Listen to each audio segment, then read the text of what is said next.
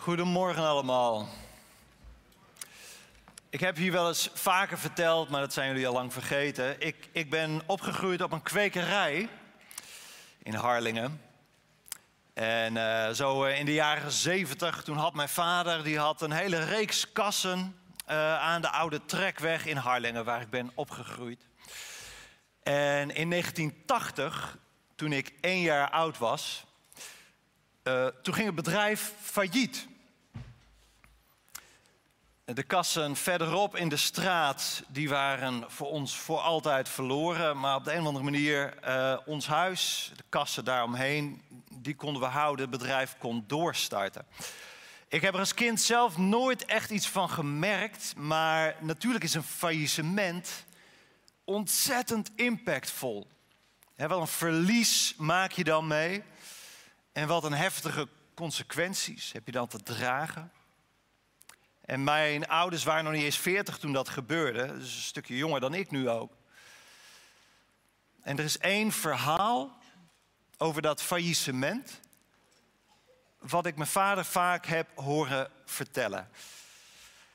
Toen het bedrijf inderdaad failliet was, niet meer te redden.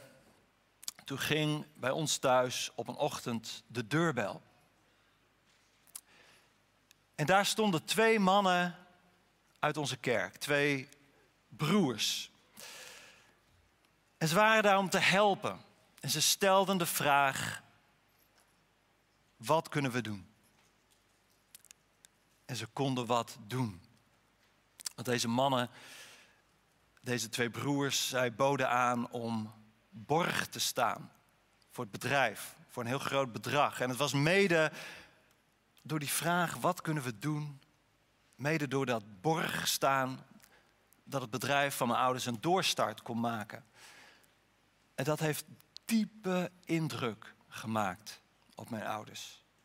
Die mannen op de drempel, die twee broers, ze waren er gewoon. Niet omdat ze daar zelf wat aan hadden, maar ze wilden er gewoon zijn op het moment dat het moeilijk was. En het mooiste, ze oordeelden niet.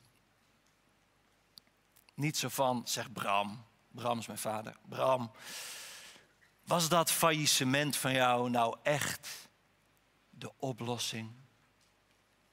Of een beetje vissen. Wat heb je nou eigenlijk precies verkeerd gedaan, denk je? of, of denken dat dit het moment voor wijze lessen is van... Uh, ah, Bram, kun je ook bedenken wat je nou anders had kunnen doen? Want ja, als iemand zo met falen en mislukking in aanraking komt, failliet gaan, ja, dan zijn er vast verkeerde keuzes gemaakt. Want wie gewoon altijd in al zijn keuzes verstandig is en op de Heer vertrouwt, die zal toch zeker niet failliet gaan? Wat ontzettend goed dat er soms mensen bij je aanbellen zonder oordeel, maar gewoon om er voor je te zijn. Ik wil vanochtend met jullie een paar versen lezen uit het boek Job. Job was een man wiens leven in korte tijd een dramatische wending had genomen. Nog wat verder dan alleen failliet gaan. Hij was in een paar uur tijd van een geslaagd zakenman, een rijke boer, veranderd in een complete mislukking. Eh, niemand was ooit zo snel mislukt als Job, zou je kunnen zeggen. Al zijn zaken en zijn bezittingen weg. Zijn kinderen dood. En zijn vrouw wilde niks meer met hem te maken hebben. Zijn gezondheid afgelopen. Een drama maar dan wordt Job door een paar mannen bezocht.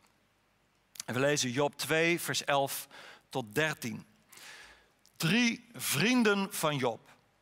Elifas uit Temna, Bildad uit Suach en Sofar uit Naama hoorden van de rampspoed die Job had getroffen. En ze besloten hem op te zoeken. Onderweg ontmoetten ze elkaar samen gingen ze naar Job toe om hun medeleven te tonen en hem te troosten. En toen ze Job vanuit de verte zagen, herkenden ze hem niet.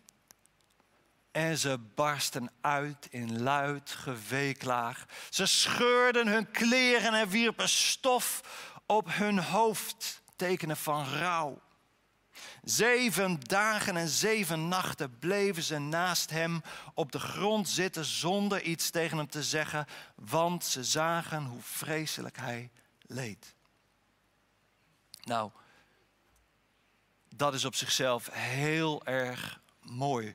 Even los van de ellende waar Job mee heeft te maken natuurlijk, maar hier gebeurt iets waar we van kunnen leren. Vrienden die bij je komen om samen te rouwen. Want soms valt er niet zoveel te zeggen. En is het goed om er voor elkaar te zijn. Maar dit is nog maar het tweede hoofdstuk van het boek Job. Een boek dat nog heel lang doorloopt. En zodra die vrienden straks hun mond open doen, gaat het helemaal mis. In hoofdstuk 1 of 2, 1 en 2, sorry, hebben we een keer of vijf kunnen lezen. De verteller hamert dat er bij ons in dat Job rechtvaardig en onschuldig is. Hij is rechtvaardig, hij is onschuldig. Keer op keer wordt dat gezegd. Dat zit er even goed in bij de lezers. Vandaar dat Job heel verbaasd is over zijn lot en, en wat overkomt mij nou? En, en hij spreekt dat uit van, jongens, dit is toch eigenlijk niet eerlijk? Maar dan reageren zijn vrienden stuk voor stuk op dezelfde manier, hoofdstuk na hoofdstuk. Job, Job, Job. God straft jou toch niet zomaar. Kijk in je hart, Job. Er is ergens een verborgen zonde in je leven. Dat, dat is nu toch gewoon aan het licht gekomen. Dat begrijpen we toch allemaal wel. Beleid nu maar gewoon, Job, wat je verkeerd hebt gedaan. Dat is het beste. En misschien dat God je dan weer zal vergeven en genezen. En ongeveer 35 hoofdstukken lang wordt Job zo bestookt met oordeel en met zuivere theologische overtuigingen. Er is bijna niks tegen in te brengen wat ze zeggen hoor. Want God beloont toch zeker het goede en God straft het kwade. Hier is iemand gestraft dus. En op het eind van het boek zijn het die vrienden van Job die de wind van voren krijgen. Omdat ze dachten dat het hun plek was om Job even de waarheid uit te leggen. Omdat ze dachten, wij kunnen wel namens God spreken. Dat kunnen we heel goed. En vervolgens kwamen ze aan met holle woorden vol oordeel. En dan lezen we aan het eind van het boek Job in hoofdstuk 42, vers 7. Nadat de Heer tot Job had gesproken, richtte hij zich tot Elifas uit Theman. En dan zegt God, ik ben in woede ontstoken tegen jou en je drie vrienden, je twee vrienden, sorry. Omdat jullie niet juist over mij hebben gesproken zoals mijn dienaar Job. Er staat wel wat op het spel wanneer wij elkaar opzoeken. Om elkaar de waarheid voor te houden. God is woedend omdat die vrienden onjuist over hem spreken. En het ingewikkelde van het boek Job is dan dat je de woorden van die vrienden, je kunt ze allemaal nalezen. En je kunt die hoofdstukken uitpluizen, uitvlooien. Veel onwaarheden zul je daar niet in ontdekken. Waar is, dan God, waar is God dan zo woedend over? Maar dat is nogal een uitspraak die God tegen die vrienden doet. Nou, die vrienden van Job, die menen God in hun binnenzak te hebben. En ze menen wel even 1, 2, 3 een, een geestelijke diagnose op Jobs situatie te kunnen plakken. En ze spreken en ze oordelen met Gods woord in hun hand. En ze doen alsof ze daarmee namens God spreken. Ware woorden in de verkeerde context op het verkeerde moment kunnen veranderen in holle klanken. Er staat wat op het spel.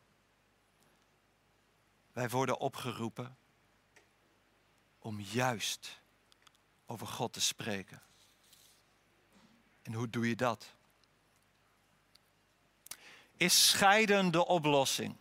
Is de titel boven deze preek. Ik, ik heb even uh, gewacht om on topic te komen. En ik hoop niet dat je al bent afgehaakt. Maar ik had die inleiding nodig. Want ik wil hier met nuance over spreken. Maar ik wil ook dat wij gewoon als kerk leren om hier op de juiste manier mee om te gaan. Spreken over bijvoorbeeld inderdaad scheiden. Spreken met mensen die gescheiden zijn of daar tegenaan zitten. Want ik merk dat we nog zo snel, nog steeds, in een kramp schieten als het over dit onderwerp gaat. En dat is jammer. Want die kramp zit ons in de weg. En weet je, dat komt, ons geweten speelt op. Scheiden is niet goed. En er komt al snel een gebod in onze herinnering: gij zult niet echt breken. Maar tegelijk weten we allemaal wel dat de werkelijkheid soms zo complex is. Wat moeten we nou doen? Wat moeten we nou vinden? Wat moeten we nou zeggen? En dan hoor ik op de achtergrond ook die woorden die God sprak tegen die vrienden van Job. Ik ben woedend omdat jullie onjuist over mij hebben gesproken. En ik wil vanochtend nadenken over goede woorden passende overwegingen. Hoe kunnen wij God recht doen wanneer we spreken in zulke kwetsbare situaties? En hoe kunnen we ook de mensen recht doen? Die met echtscheiding te maken hebben, te maken hebben gehad. Is scheiden de oplossing? Is failliet gaan een oplossing voor een bedrijf? Nee, natuurlijk. Bij een scheiding gaat er iets kapot. Het huis dat je samen wilde bouwen wordt afgebroken. De beloften die je elkaar had gedaan worden definitief niet waargemaakt. Twee mensen komen in een situatie van verdriet en verlies en daar is niks moois aan. Twee mensen. Meer mensen Kinderen hebben hun vader en moeder niet meer in één plaatje of één huis bij elkaar. Opa's en oma's van die kinderen, ooms en tantes. Die hebben ook verlies te nemen, want er verdwijnt vaak iemand uit een bredere familie die, die er gewoon helemaal bij hoorde. En dat is gewoon heel heftig. Soms met grote conflicten ook nog. Vaak met conflicten. En dan worden vrienden verdeeld letterlijk en figuurlijk. Want vriendengroepen raken verdeeld onderling over wie was nou wat, wat was nou wiens schuld in dit proces. En vervolgens wordt er ook nog een beetje gekozen. Vrienden, met wie gaan we verder? Met wie blijven we bevriend? Het is drama. Maar dit tekent hoeveel relaties en herinneringen een huwelijk raakt. Hoeveel omvattend een huwelijk is. Je trouwt niet alleen maar met één persoon. Je deelt een leven. Levens worden samengevoegd, gehecht, verbonden op zoveel niveaus. En de Bijbel noemt dat een werk van God. En Jezus zegt wat zo verbonden is, dat moet de mens niet van elkaar halen, niet scheiden. Want dat kan niet zonder dat er ook iets wezenlijks van die mensen zelf stuk gaat. En we moeten daarbij, vind ik, wel iets bedenken. Als Jezus dat gebod geeft, wat, de, hè, wat God heeft samengevoegd, dat kan de mens niet scheiden. Jezus spreekt hier mensen aan, mannen, die al snel geneigd waren hun vrouw als minderwaardig te zien. Want zo was dat in die tijd, in die cultuur. Mannen die vonden dat zij het recht hadden, want dat lazen zij in hun Bijbel. We mogen gewoon scheiden van Mozes. Mannen die vonden dat zij het recht hadden om hun vrouw in te ruilen voor een betere als zij daar een aanleiding toe zagen. En dat konden ze al heel snel zien. Als het eten niet goed werd klaargemaakt of zo, letterlijk hoor. Dat is de context waar Jezus die woorden in spreekt. Vind ik toch even belangrijk. Je vrouw, zegt Jezus eigenlijk, je vrouw is niet zomaar een persoon die in je huis leeft. Je bent met haar verbonden. Je bent één. En op gelijk niveau. En dat zijn wereldschokkende woorden hoor die Jezus daar spreekt. En Jezus, blijkt uit die woorden, heeft het huwelijk hoog. En bij de meeste echtscheidingen vandaag, ook binnen onze kerk, en, en daarom sta ik hier toch even bij stil. Daar zie ik helemaal niet dat dat misverstand speelt. Dat die het huwelijk niet hoog genoeg hebben zitten of zo. Dat is gewoon niet aan de orde. Meestal in tegendeel. Wij vinden allemaal als we in het huwelijk stappen, vinden we het heel noodzakelijk. Weet je, dat we één zijn, dat we ons één voelen. Dat we ons veilig en geliefd voelen bij elkaar. Dat is de inzet. Altijd.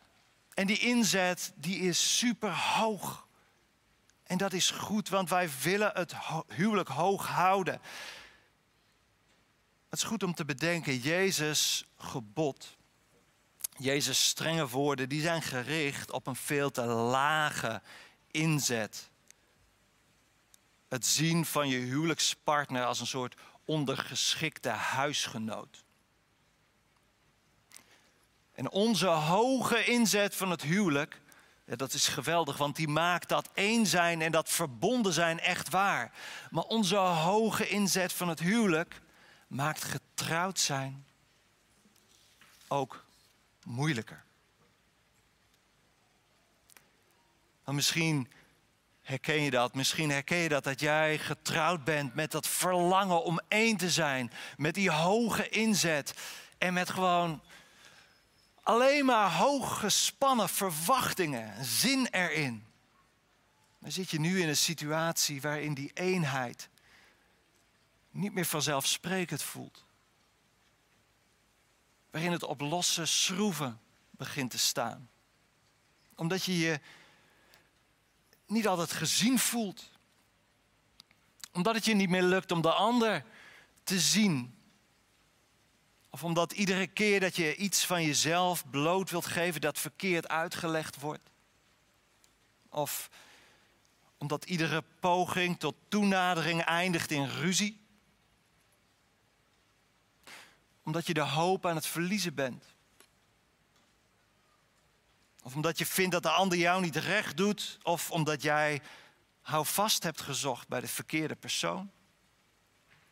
Omdat het je niet meer lukt om te houden van. En omdat jullie al lang niet meer verbonden zijn. Maar langzaam, pijnlijk en onbegrijpelijk van elkaar worden gescheurd. Nee, scheiden is niet een oplossing. Maar sommigen van ons vinden of vonden zichzelf onverwacht terug. Te midden van de scherven van wat ooit een verbond, een eenheid was. We leven in een gebroken wereld en we gedragen ons zo vaak allemaal als gebroken mensen. En het lukt ons niet altijd om datgene wat we willen koesteren en beschermen, veilig te houden. En dat is ontzettend verdrietig. Als jij bij die scherven zit, door wie wil je dan gevonden worden? Als jij iemand kent een vriend, een vriendin, je zoon, je dochter, een broer of zus, die bij de scherven zit. Wie wil jij dan voor hem of haar zijn? Weet je, als broers en zussen doen we het soms heel goed hier in deze kerk. Spreken we mooie woorden, vangen we elkaar op een passende manier op. Maar er ligt misschien wel vooral in de kerk er ligt altijd een gevaar op de loer. En dat gevaar is de vrienden van Job-reactie. En iedereen die hier zit, die kwetsbaar is. En misschien juist wel huwelijken die kwetsbaar zijn.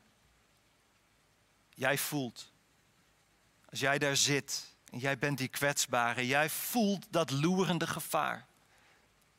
Het gevaar van veroordeeld worden in plaats van geholpen of begrepen. En wat gebeurt er dan? Je sluit je af en je trekt muren op. Je beschermt je daarvoor. En een proces dat baat heeft bij openheid, eerlijkheid en liefdevol gesprek, dat speelt zich verder af in het verborgene. Wij willen als volgelingen van Jezus zo graag het juiste zeggen op het juiste moment. En we weten, Jezus was daar een meester in, de meester. Maar al stamelend en zoekend rollen de vrienden van Job woorden weer over onze lippen.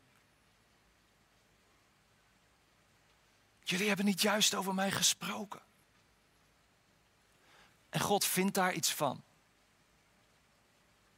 Want dan voegen wij onrecht toe aan verdriet en gebrokenheid.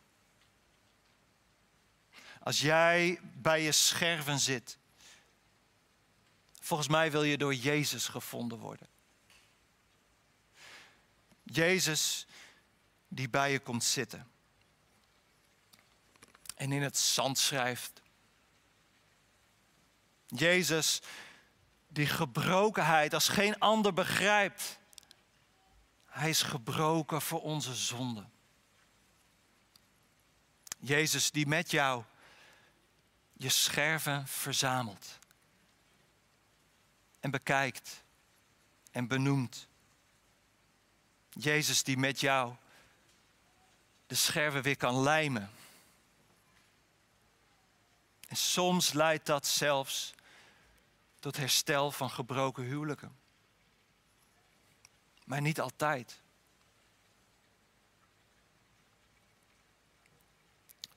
God is een God van liefde en trouw. En het huwelijk is een uiting en een beeld van diezelfde liefde en trouw. En natuurlijk, dat moeten en willen we koesteren, hoog houden.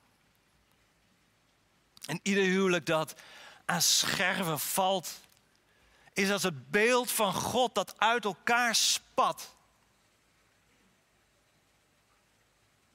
En dan kun je denken, zie je wel, liefde en trouw zijn mooie woorden, holle klanken, meer niet. Dat is hoe heftig het is. Scheiden is geen oplossing, het is een drama. Maar zoals het huwelijk Gods liefdevolle trouw in herinnering brengt, zo brengt een scheiding het failliet niet van twee mensen, maar het failliet van de hele wereld in herinnering. Want weet je, het is niet dat daar twee mensen ineens iets niet lukt. We zijn toch allemaal failliet. En we staan allemaal met lege handen. En we hebben allemaal iemand nodig die zegt: Ik sta borg voor jou.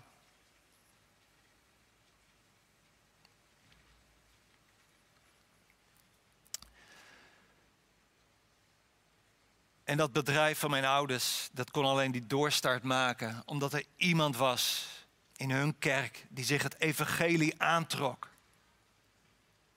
en op de deurbel drukte. En als wij als volgelingen van Jezus een positieve, opbouwende rol willen spelen in het ondersteunen en het hooghouden van elkaars huwelijken, dan denk ik dat daar onze kracht ligt. Verwijder het oordeel uit je spreken. Werk aan openheid en durf te vragen, durf te spreken. Woorden van steun, vragen vanuit positieve nieuwsgierigheid. Zo creëren wij een cultuur waarin mensen ook eerder open kunnen zijn Eerder kunnen delen als er aarzeling is, als er iets speelt. Want getrouwd zijn is voor iedereen van tijd tot tijd een worsteling of een zoektocht. En het kan best schrikken zijn als je daarachter komt, want het zou toch hartstikke mooi worden. En binnen huwelijken geldt ook wat er voor ons als hele gemeente geldt. Blijf nieuwsgierig ook naar elkaar. Veroordeel elkaar niet. Voel je niet aangevallen. Val elkaar niet aan. Val elkaar niet af. En die openheid over wat je denkt, wat je je afvraagt. Het spreken van opbouwende woorden. Daar doe je zoveel goeds mee. En lieve mensen, vraag hulp als je hulp nodig hebt. We willen veilig voor elkaar zijn. Door er zo voor elkaar te zijn als Jezus. In goede tijden, in slechte tijden, in succes en in falen. Zo kunnen we Gods liefde en trouw aan elkaar voorleven en naar elkaar uitleven.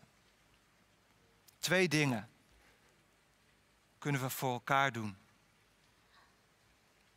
Het eerste is eerlijk vertellen als iets niet goed gaat. En dat is moeilijk. Want heel veel van ons hebben een soort faalangst, een soort gevoel van ja, ik kan mijn slechtste ik niet laten zien. Maar faalangst is niet nodig in de kerk, want het evangelie is er alleen voor failliete mensen. En het tweede is elkaar niet veroordelen. Niet als vrienden van Job voor elkaar zijn, maar als Jezus. Bekijk en benoem samen de scherven. En breng ze bij Jezus. En wie weet wat voor machtig werk van herstel God daardoorheen kan doen. Maar doel van deze kerk is niet zoveel mogelijk huwelijken redden. Het doel is de naam van de Heer, ook door onze huwelijken heen. De naam van onze Heer eer aandoen. En we hebben allemaal onze roeping om liefde en trouw aan elkaar te bewijzen. Amen. Ik wil bidden. Zullen we gaan staan?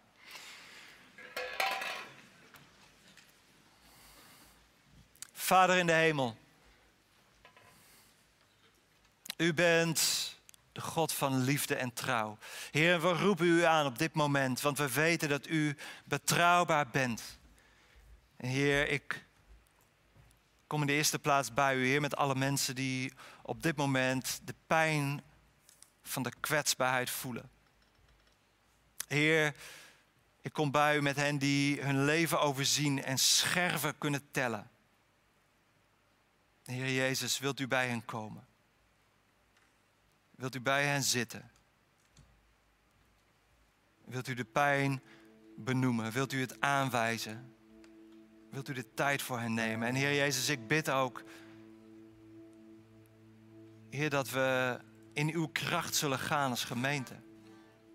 Dat we voor elkaar kunnen zijn, Heer. Dat uw Heilige Geest door ons heen mag werken. En dat we woorden van leven tot elkaar zullen spreken. Heilige Geest, beweeg door onze gemeente. Heer, dat daar leven en herstel en genezing op gang komt. Doordat wij woorden van leven tot elkaar spreken. Heer, beweeg zo door ons als kerk. Beweeg zo in ons hart. Beweeg door deze gemeente. En als jij zit op die plek waar je de scherven kunt tellen, weet dan dat Jezus je niet veroordeelt. Dat Hij door zijn knieën wil gaan om jou in de ogen te kijken. En ik wil je vragen, ik wil je uitdagen om voor je te laten bidden. Als je op een plek van kwetsbaarheid zit. Neem die stap ook om andere mensen te durven vertrouwen. En dat is eng en dat is spannend. Maar het kan je zoveel goeds brengen. En er zullen bidders zijn bij het kruis. Lieve mensen, laat voor je bidden. Laat met je bidden. Laat woorden van leven klinken. Over jouw leven, over jouw huwelijk. Amen.